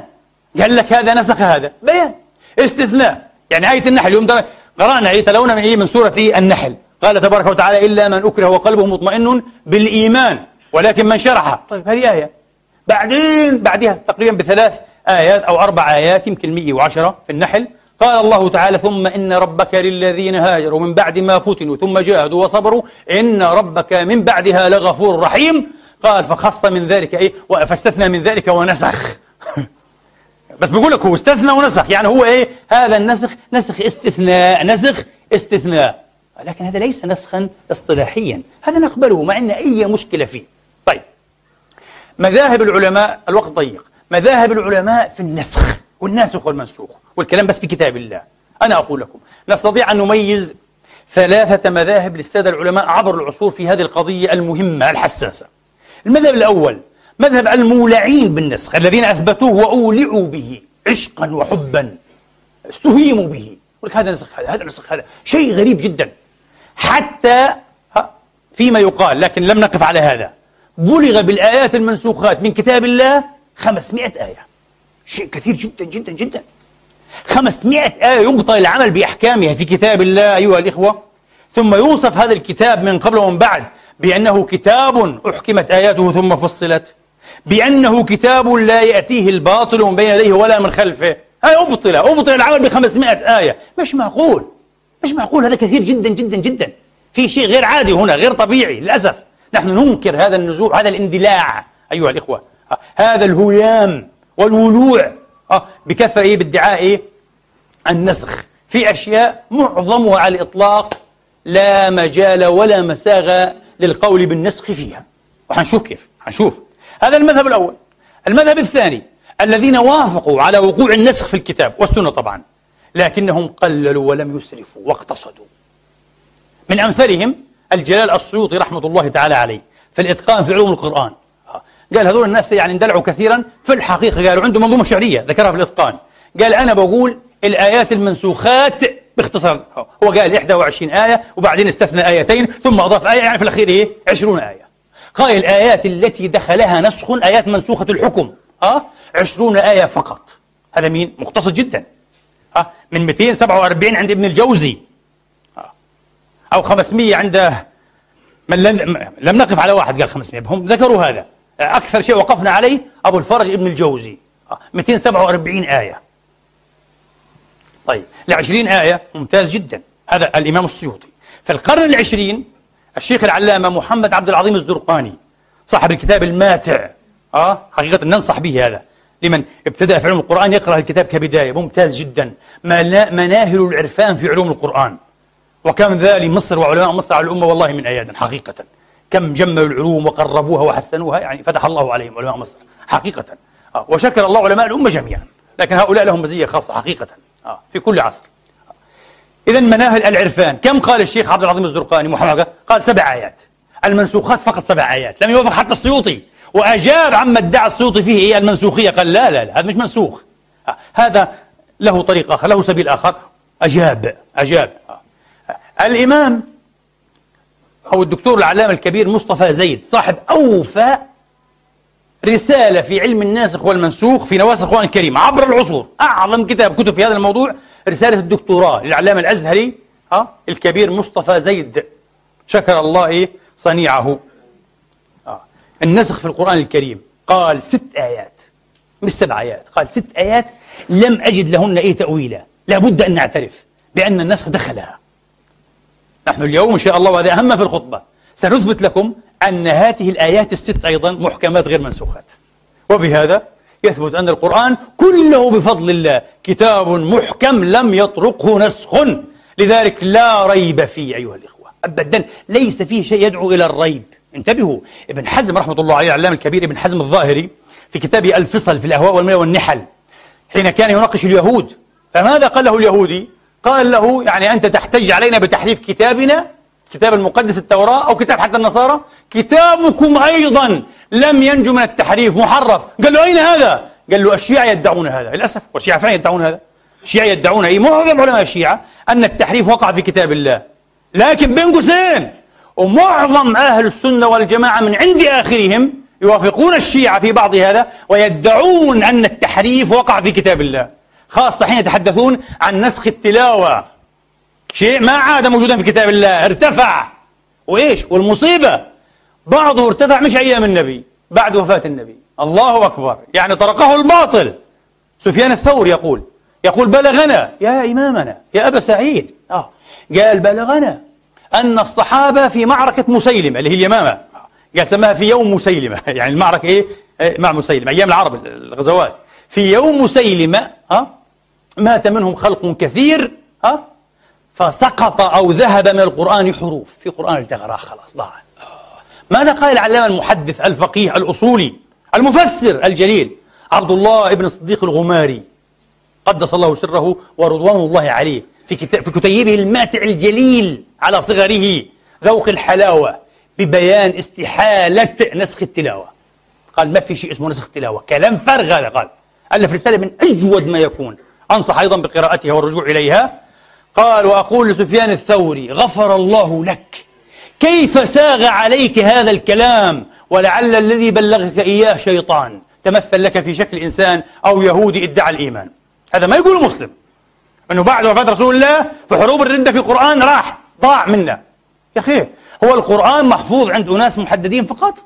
ولا ألوف كانوا يحفظونه. ألوف في الأمة صغار وكبار. نساء في البيوت كنا يحفظنه. لو مات كل رجال المسلمين في يوم إيه؟ مسيلمة النساء إيه؟ أليس كذلك؟ يحفظنا وفي نساء حوافظ. في نساء إيه؟ حوافظ كتاب الله. وبعدين يقول العلامة إيه؟ الغماري رضوان الله عليه كيف ساغ عليك هذا الكلام؟ والله تبارك وتعالى يقول إنا نحن نزلنا الذكر وإنا له لحافظون. على كل حال هذا إن صح عن إيه؟ سفيان. آه. للأسف الشديد رواه عبد الرزاق في المصنف. لكن في البخاري ينسبون إلى عمر. لكن نعود إلى هذا. آه. فقط نحسن المذاهب ونعود إلى هذا. أعطيكم فكرة عنه. طيب. العلماء الذين قللوا مصطفى زيد قال ست آيات. العلامة المجتهد الكبير آه خاصة في الفكر صبح الصالح الشهيد الكبير السني رحمة الله تعالى عليه في مباحث القرآن قال عشر آيات. منسوخات والباقي إيه؟ محكم. آه. عشر آيات. آه. العلامة الدكتور محمد سعد جلال الأزهري. مدرس بالأزهر. آه عالم كبير مجتهد وجريء جريء. له آراء جريئة جدا جدا. يخالف فيها الإجماع يخالف فيها الأمة. قال أربع آيات. المنسوخ أربع آيات. والشيخ إيه علي حسن العريض في فتح المنان في نواسخ القرآن رسالة الماجستير له. عالم أزهري مدير وعظ هذا بأوقاف الأزهر بالأوقاف المصرية. قال خمس آيات. هؤلاء يعني لا بأس أيها الإخوة. وإن ثبت لنا أن هذه الست أو الخمس أو الأربع أيضا محكمة فهذا اللبأ وابن طاب. فهذا اللبأ وابن طاب يعني أحسن وأحسن. وإن شاء الله يثبت يثبت لنا هذا بعد قليل. سنثبت لكم هذا إن شاء الله في الخطبة إيه الثانية. نعود إلى قضية إيه نسخ التلاوة. طبعا تحدثوا عن أنواع النسخ. قال لك ثلاثة أنواع ثلاثة أنواع. ما نسخت تلاوته وحكمه. كارثة هذه. كما قلت هذه داهية ما لها من واهية يعني القرآن نفسه مرسوما أو محفوظا في الصدور أو في السطور ارتفع بالكامل ما عاد. بس كان موجود. كان موجود وانتهى. والحكم تبعه كمان حكمه ضاع. في شيء أعجب منه؟ قال لك لا نسخت تلاوته وحكمه باق. كيف يا رجل؟ يا رجل الحكم يعني افعل لا تفعل حلال حرام إلى آخره. الحكم يحتاج دليلا. والدليل هو المتلو. وبتقول المتلو نسخ وراح ما عاد كيف عرفت الحكم؟ شيء غريب يا أخي. ولك علماء هم علماء وإحنا بشر عندنا عقول بصراحة. بدنا نفكر تفكيرا منطقيا. بدنا نفكر تفكيرا منطقيا ما كملتش ابن حزم ذكروني. ابن حزم يعد فقال له إيه؟ قال له الشيعة بيقولوا فرد عليه ابن حزم في هذا الموضوع غير صحيح. لكن ابن حزم ما قالش إيه؟ والسنة كمان بقول أو اليهودي يجهل بهذا إنه مش الشيعة لحالهم. وأنتم بتقولوا هيو. نسخ التلاوة نسخ التلاوة تحريف معناها. آيات نزلت وراحت. وس يعني اخذ بكم على بعض الأمثلة التي تثير الإنسان تستفزه حقيقه. تسيء إلى كتاب الله. كيف لا تسيء إلى المؤمنين بكتاب الله تبارك وتعالى؟ لكن إيش الجلالة إيش المصيبة؟ إنها في البخاري ومسلم. ممنوع تتكلم ما دام في البخاري خ... يعني في البخاري كتاب الله تحرف تقبل أنت هذا ولا أقبل؟ إيه في البخاري. يا رجل. البخاري كله على بعضه حديث إحاد. جيب لي حديث متواتر قليل قليل. خاصة اللفظي. متواتر لفظي. ابن الصلاح قال حديث واحد. من كذب عليه عن متعمد. بس حديث واحد. غيره كله أحاد أو متواتر معنويا. اشتهر أو استفيض أو استفاض معنويا. معظم الأحاديث على الإطلاق آحاد. أنت بحديث آحاد وأحيانا ينفرد به راو واحد. تنسخ كتاب الله المتواتر؟ والقرآنية لا تثبت إلا بالتواتر. عشان تقول لي هذا قرآن نزل ونسخ إيه وارتفع بحديث أحاد معناها أنت أثبتت القرآنية بحديث الأحاد وأثبت ارتفاع الإيه؟ القرآن بحديث أحاد. وهذا تخليط وتخبيط بصراحة. تخليط وتخبيط. كتاب الله لا يثبت أصلا إلا بماذا؟ إلا بالتواتر. جيب لي أحاديث متواترة. إنه هذه الآية نزلت متواترة نصدقها. ما فيش عندنا حديث متواترة. كلها حديث أحاد لا معنى لها عند التحقيق فعلا لا معنى لها. وسوف نرى أيها الإخوة. فقال لك إيه؟ نسخت التلاوة لكن بقي الحكم. والقسم الثالث وهو الأهون حقيقة. آه. لكن هذا الذي بالغ فيه بعض واقتصد فيه ولم يسرف بعض آخر. إيش هو؟ أنه نسخ التلاوة. تبقى الآية مرسومة في كتاب الله مخطوطة. ونتلوها نتعبد الله بتلاوة حروفها أيها الإخوة. لكن لا نتعبد الله بالنزول على إيه؟ على حكمها. لماذا؟ لأن حكمها أصبح ماذا؟ من المبطل من المنتهي العمل به منسوخ. مرة وإلى الأبد ما عاد حدا يعمل بها. هذا معنى. هذا القسم الثالث. فحنشوف. إيش آيات قرآنية؟ أه؟ نسخت جملة أيها الإخوة. يعني التلاوة مع الحكم. التلاوة مع الحكم. مثلوا لها بحديث عائشة في صحيح مسلم. قالت رضوان الله تعالى عليها أم المؤمنين كان فيما أنزل من القرآن الكريم عشر رضعات مشبعات يحرمن فنسخن بخمس معلومات. شوف المصيبة عاد فتوفي مش مصيبة عائشة حاشاها. أنا يقين عائشة لقالت هذا ولا تدري به هذا مما وضع. دول إيه وضع مسلم ماليش علاقة بمسلم البخاري أنا لي علاقة بكتاب الله روحوا فتشوا عن مشاكلكم. هذا كتاب الله ما تلعبوا يا أخي. والآن يطرق في واحد اسمه الحداد نصراني كبير مبشر بالمسلمين ألف كتاب كله عن قضية النسخ قال لك قرآن متواتر؟ وشوف وجاب هذه الأحاديث. وهذه حين تتلى على أولادنا وبناتنا خلاص طبعا. يتطرق الريب والشبهة إلى قلوبهم. بيعلمون أنه متواتر بس تفضل هيو. ومش محفوظ وأشياء ارتفعت وأشياء راحت وأشياء مش معقول يا إخواني. وإنا له لحافظون. انتهى ليس لأحد بعد كلام الله كلام. لا تقول لي فلان لعلان للأمة لا كلام ما فيش أبدا. هذا هذا ما يدون الله تبارك وتعالى به. فتقول أم المؤمنين فيما ينسب إليها. أنا أبرئها من هذا قطعا حاشاها. تقول فتوفي رسول الله. وهن وهن مما يتلى من كتاب الله. شوف المصيبة. وشوف التكلفات عاد. معنى توفي يعني أوشكت وفاته. قبيل وفاته. يا رجل إيش التعبير العربي هذا؟ بتقول لك مات الرسول. وهذه الآيات خمس رضعات مشبعات يحرمن كن في كتاب الله آه وكان الناس يتلونهن أو يتلونها. نقدر نقدس آيات الله ونقول يتلونهن ممكن. لكن القاعدة يتلونها يتلون هذه الآيات. ممكن هذا؟ طب مين نسخها بعد وفاة رسول الله؟ إيش الكلام الفارغ هذا؟ إيش هذا؟ وين هذا؟ ما فيش منه. على كل حال هذا ليس مذهب الجمهور. إيش رأيكم؟ مذهب الجمهور إنه خمس رضعات إيه مش هن اللي بيحرمن. في ناس قالوا إيه؟ بأقل من هذا. اذا هذا عند الجمهور لا يعمل به لا حكما. وطبعا هو بحسب نص حديث عائشة في مسلم منسوخ ماذا أيضا؟ التلاوة. هذا مثل على منسوخ التلاوة وإيه؟ والحكم. في أمثلة على منسوخ التلاوة مع بقاء الحكم. أمثلة لها العجب. أمثلة لها العجب. كالذي في صحيح البخاري عن سيدنا الفاروق عمر رضوان الله تعالى عنهم أجمعين. قال لولا أن يقول الناس زاد عمر في كتاب الله. ها؟ لكتبت هذه الآية في كتاب الله. تكتب آية إيش هي؟ إيش هي؟ آية عندك يعني الناس لا الناس لا يعرفونها؟ حفاظ كتاب الله حوافظ لا يعرفون هذه الآية؟ قال آه هذه آية الرجم. الخطبة الجاية إن شاء الله عن الرجم عاد. هذيك حتكون شوي مصيبة. إيه. عن الرجم. هل في رجم في, دين الله ولا فيش رجم؟ حنشوف. مسألة كثير محرجة حنشوف بالأدلة إن شاء الله. طيب إيش قال عمر؟ قال والشيخ والشيخة. قال هذه آية شوف. قال والشيخ والشيخة. من أولها عرفناها كذب. تعرف ليه؟ الله قال الزانية والزاني قدم المرأة يعني قال لك الشيخ هي اللي حطتها مش عارف إيش بيطلع من راسه. عمر ملوش علاقة بيها ولا سمع فيها في حياته هذا اللي حطوها بعدين. والشيخ والشيخة إذا زنيا فرجموهما البتة. البتة؟ في كتاب الله في البتة هذه البتة ما شفتهاش؟ البتة في كتاب الله؟ مش موجودة البتة في كتاب الله. الصيغة هذه البتة وبتاتا آه عربية فصحى بس مش في كتاب الله ولا مرة الله قال البتة. قال فرجموهما البتة. آه نكالا من الله والله عزيز حكيم. قال أنا بس خوف يقول عمر إيه زاد في كتاب الله. يا عمر فيما ينسب إليه حاشاه الفاروق. وهذا عندك أنت لحالك بس يعني؟ أين انتهت عنها الأمة؟ وتتعلق بإيه؟ بإزهاق نفوس رجم ناس قتل ناس. وما بيعرفها إلا عمر يعني. إيش القصة هذه؟ حديث أحد. قال لك آية الرجم. رجم إيه يا جماعة؟ حديث إيه هذا؟ واضح الأمور في كتاب الله تبارك وتعالى. طيب في حديث ابن مسعود. حديث إيه؟ ابن مسعود. في كف... فكفارته اطعام عشر مساكين إلى أن قال آه فصيام ثلاثة أيام متتابعة أو قال متتابعات. فنسخ متتابعة أو متتابعات وبقي ماذا؟ حكمه.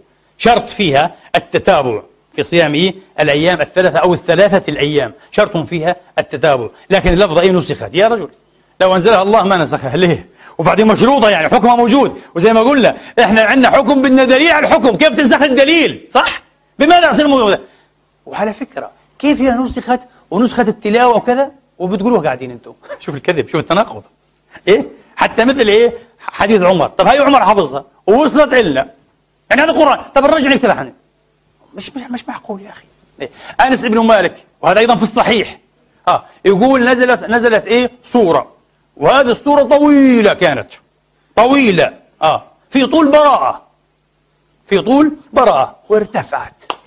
آه وظل منها آية نتحفظها. بس نسيناها كلها راحت السورة كلها ضاعت. من عقولهم وكل شيء. طب والكتابة كانت تكتب. ألفوا لك أحاديث. فعلا لها العجب. قال لك حتى المكتوبات. صبح الصباح كله ممحو عالم معجزات عالم خوارق عالم سحري. نعيش في عالم سحري. كلام فارغ. لكن هذا إيه؟ يناسب العقول إيه؟ القرى الوسطيه بيحبوا شغلة هذه. إنه هذا كاتب إيه؟ في لخفة هذا كاتب في عسيب هذا كاتب في رق في جلد. وصبحنا الصباح كله رايح. ومن الروس رايح. أه طب أنا أقول لك. وحتقول لك الويلات يا عدنان. أنا أقول لك. والله لو حدث هذا ما عرفنا. تعرفوا ليه؟ ما هو بالعقل. لو فعلا كان موجود في الصدور وعلى ألسنة متلوا كان متلوا يعني آه وفي اللقاء وكذا وارتفع كله من الصدور والصدور كل شيء والله ما عرفه أحد. صح ولا ولا رواه أحد. وما يقولش آه أي صور ما أنت نسيت كل حاجة صح؟ انتبهوا. عشان هيك استخدموا دائما العقل. يقول لك عقلاني يا جهلاني. طبعا لازم أكون عقلاني عشان آه. وإلا بنتورط بنورط معنى كتاب الله نفسه. ما عرف أحد. هذا مثل إيه؟ فرضية بوانكير. آه هوري بونكيرا العالم الرياضيات الفرنسي العظيم. آه شوف هذا الذكاء إيش قال؟ قال لو صبحنا الصباح ذات صباح فوجدنا كل شيء في عالمنا تضاعف 100 ضعف أو 1000 ضعف. شوف عدد منخرق 1000 ضعف. بس عيدك نفس الشيء ورموش عينك وكل شيء والشمس والقمر. إيش يقول بوانكاريه هنا هنري بوانكاريه قال مستحيل على أكبر رياضياتي على أكبر فيلسوف ذكي أن يعرف أن هذا حدث. صح ولا لا؟ لأن الكل مع بعضه في نفس. مستحيل ما نعرفش صح ولا لا؟ كذلك إذا هذا كله ارتفع من كل شيء كيف عرفناه؟ كيف روينا هذه الواقعة؟ ما حد يقدر يعرفها. خلاص انتهت. راح. إذا تقول لي هذا ممكن يصير هذا شيء بالعقل ممكن بس مش مش ممكن تروي لي وتقول لي حصل معنا هيك. أقول لك لا تكذب عاد. بيكذبوا عليك طبعا. الصحابي لا يمكن يكذب. تكذبون على أصحاب رسول الله. إنا لله. واضح؟ إيه. طيب قال لك نفس الشيء. سورة الأحزاب هذه كانت في حجم سورة البقرة. اعمل به أنت هيك مقارنة. بيطلع منسوخ تقريبا زهاء 200 213 آية. 213 آية راح مرة واحدة هيك. آه. تخيل؟ إيه. سورة الأحزاب كانت في حجم إيه؟ سورة إيه؟ في طول في مثل طول سورة البقرة. بعدين راحت. الله عملها اختزال ريدكشن اختزلت هكذا. آه بقيت هكذا. يعني قديش المنسوخ زهاء 13 و200 آية. راح. كلام فارغ. هذا كلام كثير يا إخواني. إيه؟ عائشة بتتحدث عن آيات كانت موجودة ومكتوبة وضاعت بالكامل. ينسبون إليها أم المؤمنين. حاشاها. نبهوا دائما. ينسبون إليها. وين يا أم المؤمنين؟ قال أكلتها الداجن. كانت في ورقة وتحت السرير وبعدين النبي؟ توفي واشتغلنا بوفاته اجت الداجن العنزي هيك أو أي حاجة وأكلتها وراحت الآية ضاعت الآية. وكيف إيش عرفتي؟ كيف عرفتي؟ ما أنت حافظها؟ وين؟ وين الآية؟ اكتبها مرة ثانية طيب. صح؟ اكلتها الداجن هو القران محفوظ في السطور؟ أهم شيء قرآن اسمه قرآن في الصدور. اكتبيها طيب. مليها علينا. لا راحت. ضاعت. كلام لا يركب يا جماعة. والله الذي لا له حين أقرأ هذا الكلام حتى وإن كان في الصحاح والله يغلب علي أقول الله أكبر. إيش المكر الذي مكر بهذه الأمة؟ مين اللي دسوا هذه الأشياء؟ وكيف نجحوا في دسها على الأمة؟ والله العظيم. تشكيكا لنا في كتابنا. لأن الكتاب أعجزهم بفضل الله عز وجل. هذا اسمه عارف إيه؟ اسمه الإعجاز التاريخي. Historical credibility. يعني كريديبيليتيت المصداقية الموثوقية التاريخية. قرآن من 1430 سنة. أكثر حتى. جيب 13 سنة كمان إيه؟ 34 حط 13 يعني قريب من 1450 سنة. في الحجر مكية. إنا نحن نزلنا الذكر وإنا له لحافظون. أقسم بعزة جلال الله لا إله إلا هو. لو لم يكن هذا الكلام كلام الله لحرف القرآن. صح ولا لا؟ طبيعي يتحرف. 1400 سنة. بيتحرف ب 50 طريقة. ولا واحد قدر يحرف ولا اليوم. وكما هو بفضل الله عز وجل. يتلى من أوله إلى آخره. تعرفوا ليش؟ لأنه الله قال لا جربناهم إحنا. جربنا اليهود النصارى واستحفظناهم على الكتاب. فلم يحفظوا. المرة هذه مش حجربكم والحمد لله ما جربناش. الحمد لله. لأنه عز علينا. تعرف في ناس ينقمون علينا. علي وعليك وعليها وكذا. إنه قال بينكر النسخ عز علي يا حرام. من القرآن في شيء في شغلات باطلة يعني. بده هو فرحان. حاب أنت الشيء هذا يعني؟ مبسوط أنت؟ متمتع أن القرآن فيه أحكام انتهى خلاص يعني أبطلت؟ فرحان أنت؟ وغضبان من عدنان وغير عدنان آه؟ إنه قال ما فيش نسخ في كتاب الله. ليه؟ واحد يقول لي بس أنت قلت ما فيش نسخ. مين اللي سبقوك بهذه يا عدنان؟ ولا من بدعك. آه لا ومن اوابدك لا والله. من أول من قال بهذا؟ العلامة المعتزلي المفسر الشهير. طبعا وصفه الشوكاني بأنه جاهل. قال هذا جاهل بشرع الله مش جاهل مش صحيح. الحمد لله. وصل لنا بعض كلام أبي مسلم أبو مسلم بحر. اسم على مسمى. بحر من بحور العلم والتفسير. علامة كبير. مش لأنه أنكر النسخ يا شوكاني والشوكاني علامة كبير. بس اعتقدنا أنه دون إيه؟ إيه؟ الإمام إيه؟ الأصفهاني بمراحل. حتى الفخر الرازي. حين أورد حجج عودوا للفخر الرازي التفسير الكبير أورد حجج أبي مسلم محمد ابن بحر الأصفهاني علام معتزلي من علماء المسلمين. وفست الكبير أنكر وقوع النسخ في كتاب الله. قال في تخصيص في تقييد في تفسير آه تبيين إلى آخره آه موجود. أما نسخ بمعنى إبطال نهائي أبدي ما فيش. كتاب الله يجل عن هذا. وأتى بحجج حين تقرؤون إيه الفخر الرازي. والمعلم من مذهب الفخر الرازي هو مذهب الاشاعره وكذا والشافعي إنه آه في نسخ. لكن هو إيه؟ جنح إلى كلام أبي مسلم الأصفهاني واستروح إليه كثيرا. واستحسنه. وأعرب عن هذا. حجج قوية من أقوى. ما تقول لي جاهل بشرع الله يا شوكاني. شو جاهل؟ أبو مسلم جاهل؟ لا إحنا صرنا علماء معناها. لا مش جاهل. أبو مسلم. من المعاصرين علماء كبار. حقيقة. وغير مغموزين في اعتقادهم وحبهم للإسلام والقرآن. مفتي مصر العلامة الإمام محمد عبده قال ما في نسخ. كتاب الله محكم كله ما في نسخ. الشيخ العلامة مؤرخ التشريع والأصولي والأديب محمد الخضري بيك. محمد الخضري كتب فصلا في كتابه أصول الفقه من أجمل ومن أجود ما يكون في علم الناسخ والمنسوخ عودوا إليه. آه، كتاب ممتاز هذا الفصل ممتاز. محمد الخضري قال كتاب الله ما فيه ناسخ ومنسوخ كله محكم ولا آية منسوخة. محمد الغزالي شيخ الدعاء رحمة الله تعالى عليه في القرن إيه العشرين شيخ الغزالي تعرفوه؟ ما شاء الله عليه. الغزالي قال ما في ما في آية في كتاب الله منسوخة. وعنده كلام من أجل أنه يكون في كتابه نظرات في القرآن. البحاثة العالم الكبير أه عبد المتعالي الجبري. عنده حوالي خمسة ستة كتب كلها لا نسخ في كتاب الله لا نسخ لا نسخ النسخ كما أفهمه وبالأدلة كتب كبيرة مئات الصحائف كتب الرجل علام مصري؟ عبد المتعالي الجبري. لكن كما قلت لكم أحسن هذه الكتب كتب مصطفى زيد والرجل أوشك أن ينكر كل شيء لكنه أثبت إيه؟ منسوخية ست آيات فقط.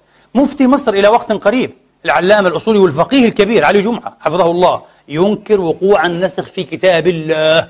وعنده كتاب أعتقد طبعه 2002 مش قديم يعني.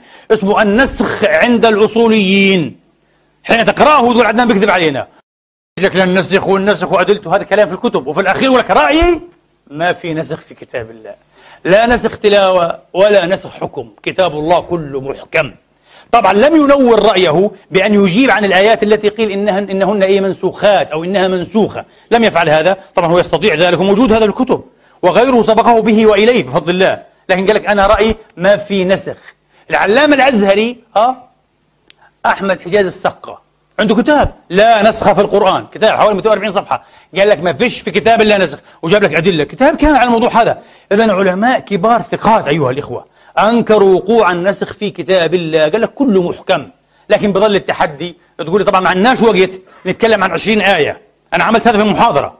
تكلمت عن 20 آية ذكرها السيوطي. وأثبتنا أنهن إيه محكمات غير منسوخات. هذا بده إيه محاضرة بطولها. لكن قلنا إيش الست الآيات يا عدنان؟ اللي قلت أنهن إيه؟ يعني عند هؤلاء المقتصدين غير مسرفين منسوخات ها؟ وهن غير منسوخات محكمات. كيف تجيب عنهن؟ أو كيف أجيب تواضعا عنهن؟ هذا الخطبة الثانية. أقول قولي هذا وأستغفر الله لي ولكم.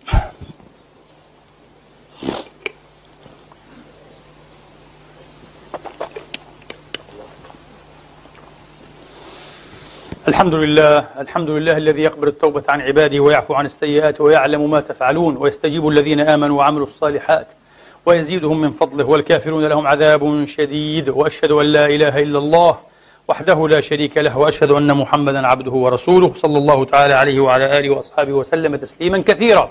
الآية الأولى أيها الإخوة ولن نتلو حتى الآية حتى الوقت للأسف وعدتكم ألا أطول اليوم. آه الآية الأولى في سورة الأنفال. الله تبارك وتعالى قال يا أيها النبي آه حرموا عن القتال. إياكم منكم عشرون صابين يغلبوا مئتين. آه ومئة يغلبوا ألفا إلى آخره. طيب وبعدين قال إيه؟ الآن خفف الله عنكم وعلم أنكم فيكم ضعفا. فأنزلهم رخص لهم من وجوب أيها الإخوة أو تحتيم أن يصمد وأن يصبر المقاتل المؤمن أو المسلم لكي لعشرة أمثاله لعشرة أضعافه. واحد لعشرة. المية لازم إيه يقفوا إيه؟ ممنوع أن ينهزموا. حرام أن ينهزموا آه من أمام إيه؟ عشرة أضعافهم. طب عشرين ضعفا لا. يرخص لهم إيه؟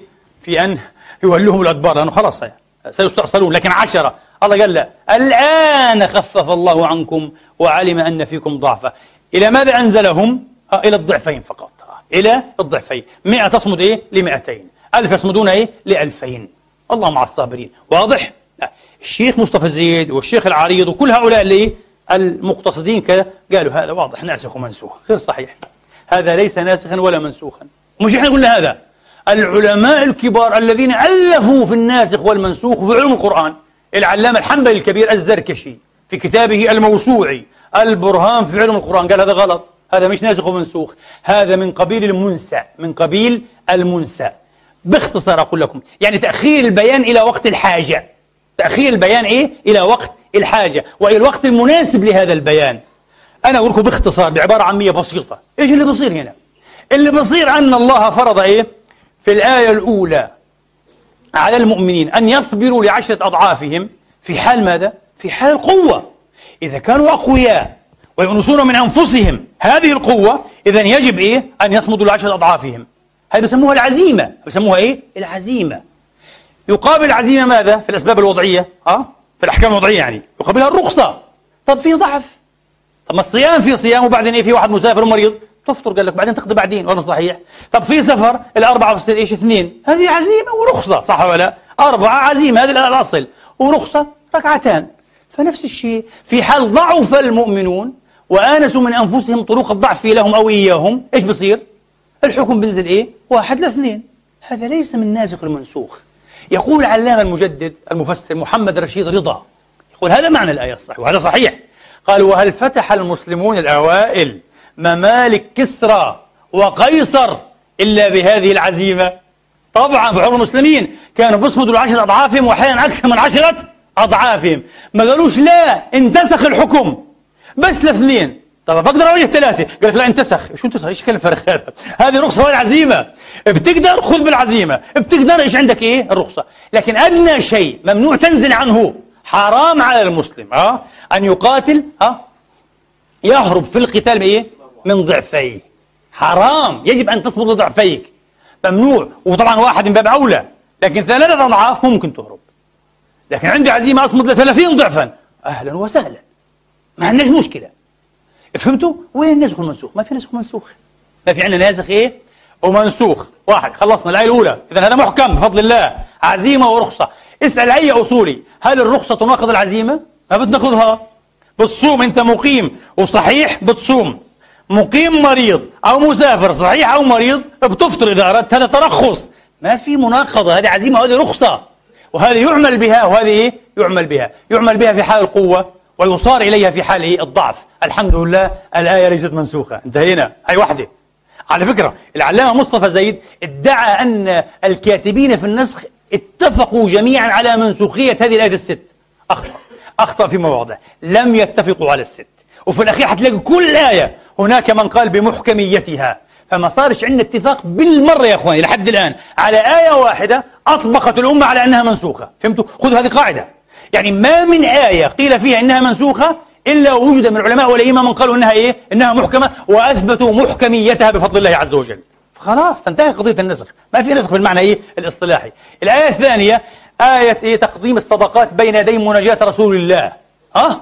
يا أيها الذين آمنوا إذا نجيتم الرسول فقدموا بين يدي نجواكم صدقة. ذلك خيركم وأطهر. إلى آخره. طيب. مع الله قال في نفس الآية. ها؟ قال فإن لم تجدوا نفس الآية. الفاصلة. فإن الله غفور رحيم. إيش بتفهم من كلمة إيه في آخر الآية؟ فإن لم تجدوا فإن الله غفور رحيم. إنه هذا الأمر لم يكن أمرا حتما. وإنما كان على إيه؟ على الندب. وبه قال الحافظ العماد بن كثير. قال هذا عن الندب هذا. مش إنه لازم تقدم كذا. بعدين الله قال إيه؟ اشفقتم أن تقدموا بين يدي نجواكم صدقات فاذا لم تفعلوا وتاب الله عليكم الصلاه وأتوا إلى آخره. قال لك هذه نسخت هذه ما في ناسخ ومنسوخ عارفين إيش قصة المناجاه هذه باختصار؟ ابدا. الله تبارك وتعالى شرع أمر أمر ندب على الأرجح بتقديم صدقة قبل أن يناجي إيه؟ الصحابي رسول الله. هم كانوا ماخذين دانه 24 ساعة بعضهم بعضهم.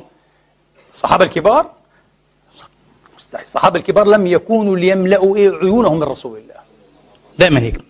لذلك أنت تشوف الأحاديث الصحيحة في وصف رسول الله طوله وعرضه ولونه. من الذي رواها؟ صغار الصحابة. صغار الصحابة سنا. الصحابة كلهم إن شاء الله كبار. لكن هي صغارهم سنا. لأنه كان بتطلع الكبار ما بيقدروا يطلعوا. الهيبة. طب مين كان ماسك ايد الرسول؟ ومرتي وعمتي وطلقت وعملت؟ ها؟ المنافقون. والرعاع والأعراب. وإيش بعدين؟ وما يعجبهمش. ويطلعوا يقولوا؟ هو أذن. 24 ساعة بس بنجوا فيه. ومنهم الذين يؤذون النبي ويقولون إيه؟ هو أذن. فالله قال طف الصاع. طف الصاع. لابد إيه؟ أن نقطع دابر هؤلاء البطالين الذين يناجونه تبطلا. لا عنده قضية ولا حب يتعلم جاي يضيع وقت على النبي ويتفلسف. إنه عنده علاقة خاصة بالنبي يعني. إنه إيه؟ نجاه بينه وبينه. وشوش له. الله قال خلاص بدنا ننهيه. ينهي مين؟ ينهي بطالة مين؟ المتبطلين من المنافقين وضعفاء الإيمان والأعراب الأجلاف فقال ما في مشكلة تحب تناجي النبي ناجيه بس قبل ما تناجيه بتروح إيه بتتصدق بصدقة إن شاء الله حتى إيه حبة جزء من سدس من الدرهم ولا واحد عملها فيهم بطلوا إذا الله تبارك وتعالى شرع هذا لماذا؟ لأجل قصد لأجل غاية فلما تحققت الغاية انتهى كل شيء إذا ما في ناسخ ومنسوخ صح؟ الإمام القرطبي في أحكام القرآن رحمة الله الجامع أحكام القرآن. إيش قال؟ قال أصلا ما في ناسخ ومنسوخ أنكر أن يكون هنا مع أنه هو مبالغ في النسخ. يقول آيات كثيرة منسوخة. قال ما في ناسخ ومنسوخ تعرفوا ليه؟ لأنه لا يتصور لا يتصور وقوع النسخ قبل التمكن من العمل. وما عندناش ولا نص. أه؟ إنه إيه؟ الصحابة عملوا إيه بهذه الآية؟ وحديث الإمام علي قال لك ضعيف. اللي اخرجه الحاكم قال ضعيف. ما صحش من الإمام علي راح تصدق. بصدقة وناجى النبي. حاشا الامام عليه السلام. تكون أسأت ليه؟ الامام علي لم يكن إيه؟ يثقى عن النبي إيش؟ بمناجاته بين الناس. ما كانش يعمل هيك هو.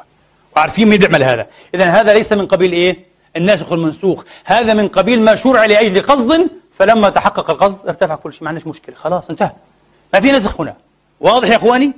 بقي لدينا أربع آيات. خذوا فيهن قاعدة.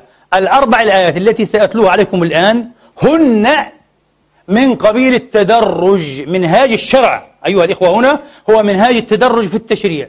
مش ناسخ ومنسوخ. واحدة آية الخمر. في الأول سيب آية النحل. في الحقيقة هذه ما لهاش علاقة. آه حقيقية. لكن عندنا إيه؟ عندنا إيه؟ يسألونك على الخمر والميسر.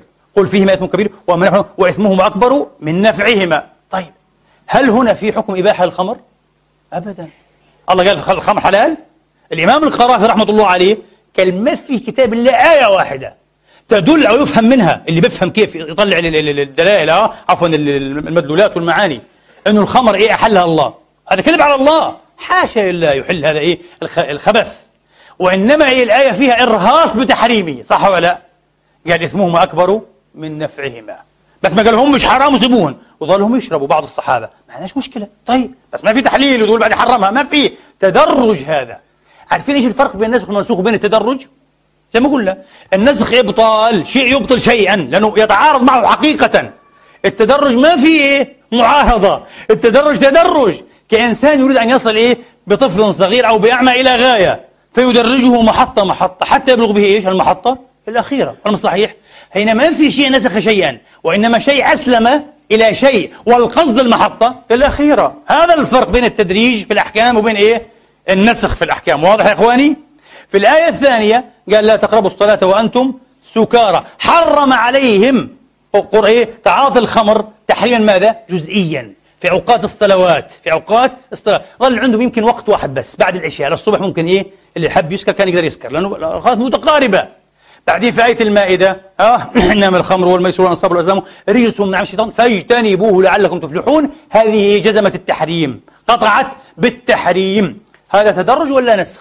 تدرج وأوجدناكم الفرق الآن بالمثال البسيط بين التدرج وبين إيش؟ وبين النسخ خلصنا من هذه كمان الآية اللي بعديها آية الصوم كتب عليكم الصيام كما كتب على الذين من قبلكم لعلكم تتقون أي مالها؟ قالوا هذه منسوخة نسخ منها شيء إيش المنسوخ؟ قالوا هذا تفهم هيك أه؟ أننا ملزمون بكيفية الصيام التي كان إيه؟ يتعاطاها من قبلنا من الأمم وفي صيام الأمم البائدة المتصرمة أنهم كانوا لا يأتون أي نساءهم في الليل واضح؟ ثم نساها الله عنا بقوله علم الله أنكم كنتم أحل لكم الرفث إلى نسائكم هن لباس لكم واضح؟ قال لك لا هذا مش ناسخ ومنسوخ أول شيء هذا المعنى الذي ذكرته لم يتفق عليه العلماء ولا المفسرون ولا آه. وأنا أقول لكم هذا من باب التدريج في إيش؟ في إبداء الأحكام. الله أوجب علينا الصوم كما إيه؟ صام الآخرون والصيام واجب صوم واضح؟ وأما ما يتعلق بتعاطي هذه الشهوة هذا المباح الله لم يذكر حكمه هنا خصوصا وذكره في آية تالية. إيش دخل هذا بالناسخ والمنسوخ هذا تدريج من باب حتى تأخير البيان إلى وقت إيش؟ إلى وقت الحاجة إلى وقت لكن يشكل عليه عاد آثار. وعمر عملوا كذا وقصة بألفوها عشان إيه؟ تلتئم معهم قصة الناسخ والمنسوخ لا لا لا أبدا. القرآن بظاهره ما فيه. إيش كمان عندنا من التدريج أيها الإخوة؟ الزواني الزنا. قال واللاتي يأتين الفاحشة من نسائكم فاستشهدوا عليهن أربعة منكم فإن شهدوا فأمسكوهن في البيوت حتى يتوفاهن الموت أو يجعل الله لهن سبيلا واللذان يأتيانها منكم فآذوهما فإن تابا وأصلحا فأعرضوا عنهما إن الله قال لك هذا إيش كمان؟ نسخ. نسخ بإيه؟ قال لك نسخ إيه؟ بحد الزنا المذكور في القرآن وفي السنة. في القرآن وفي السنة. هذه الآيات فيها كلام طويل. أنا سأقول لكم فقط ما عندي. بده الكلام الطويل يعود إلى الكتب. كلمة واحدة. أنا أقول ما في ناسخ ومنسوخ هنا أبدا. تعرفوا ليه؟ باختصار. آية النور الجليلة هي فعلا في الزنا. ها؟ الذي يقع بين رجل وامرأة. محصنين أو غير إيه؟ محصنين. يعني أعزبين. ها. طيب. وآية إيه النساء أو آيتا النساء أنا أقول لكم باختصار هذا الذي ترجع عندي وأدلة كثيرة. الآية الأولى في السحاق في اللزبية. الله يقول واللاتي يأتين الفاحشة من نسائكم. يعني حتى هنا بيان الاسم الموصول جاء إشارة. قال هذه فاحشة تدور بين إيه؟ بين نساء. ليش قال من نسائكم؟ وبعدين إيه؟ قابل الاسم الموصول اللاتي بالآية إيه؟ التالية في الآية التالية بقوله واللذان يا أخي واضحة. معناها آية واللذان يأتيانها في ماذا؟ في السدومية في اللواط. الآية الأولى في السحاق يا إخواني والآية الثانية في اللواط. سبحان الله العلماء تكلفوا تكلفات عجيبة واختلفوا وظنوا أن الآيتين كلتيهما في ماذا؟ في الزنا. وإيش حكم الزنا؟ وإيش كان وبعدين نسخ وبعدين كذا؟ لا لا لا لا لا. الحكم ثابت هذا رأيي الذي انتهيت إليه. آه. وطبعا قال به بعض العلماء أنا فاجأني أن الشيخ علي جمعة أنا ذكرت هذه المحاضرة قبل خمس سنوات بفضل الله هذا الكلام. علي جمعة في كتابه هذا الذي لم أقرأه إلا إيه هذه الفترة ذكر هذا. من غير من غير أن يأتي بأدلة وبنقاش. قال الآية الأولى في السحاق الثانية في اللواط. هذا صحيح. هذا نرتاح إليه. وبهذا يصبح عندنا في كتاب الله حكم الزنا حكم السحاق حكم اللواط. انتهى. إذا انتهينا إيه من هذا. بقيت أعتقد إيه آية واحدة ما هي؟ آية المزمل. أيها الإخوة يا أيها المزمل قم بالليل. قالوا هذا إيه منسوخة بما في آخر السورة فاقرأوا ما تيسر منه. أنا أقول لكم هذا الأمر ليس واضحا بتاتا ليس واضحا بتاتا. ليس واضحا من مطلع سورة إيه المزمل أن الرسول وأصحابه فرض عليهم قيام الليل. بل مطلع السورة واضح أن إيه أن هذا مفروض على النبي. يا أيها المزمل ما قالوش ومن معك. لكن الصحابة كانوا يسعدونه. طبعا استكثارا من الأجر آه واستطابة إيه للطيب الخير. فعلوا هذا. والقرآن إيه خفف عنهم علم أن سيكون منكم تخفيف. ما تقول إنه كان فرضا عليهم. والعجيب أختم بهذا أن العلماء قالوا أول المزمل منسوخ بآخرها وآخرها منسوخ بفرضية الصلوات الخمس فعاد الناسخ منسوخا. كما قالوا لكم دينكم ولي دين. منسوخ بقتل المشركين إيه؟ حيث وجدتموهم. الآية الخامسة من التوبة آية السيف. وآية السيف منسوخة بالآية التاسعة والعشرين لآية الجزية. حتى يعطوا الجزية عن يد فعاد الناسخ منسوخا. وكلام فارغ. تعلمون لماذا؟ لأن الآية الخامسة في المشركين والآية التاسعة والعشرون في أهل الكتاب موضوعان مختلفان. كيف ينسخ يعني ما ورد في المشركين بشيء ورد في أهل الكتاب؟ شيء غريب جدا يا أخي. هذا إيه؟ يعني ما من الله تبارك وتعالى ويسر به. نسأل الله عز وجل أن يعلمنا ما ينفعنا وأن ينفعنا بما علمنا وأن يزيدنا فقها وعلما ورشدا. اللهم اغفر لنا ولوالدينا وارحمهم كما ربونا صغارا. اجزهم بالحسنات إحسانا والسيئات مغفرة ورضوانا. واغفر اللهم المسلمين والمسلمات المؤمنين والمؤمنات الأحياء منهم والأموات. بفضلك ورحمتك إنك سميع قريب مجيب الدعوات. عباد الله إن الله يأمر بالعدل والإحسان وإيتاء ذي القربى وينهى عن الفحشاء والمنكر والبغي. يعظكم لعلكم تذكرون وأخمص.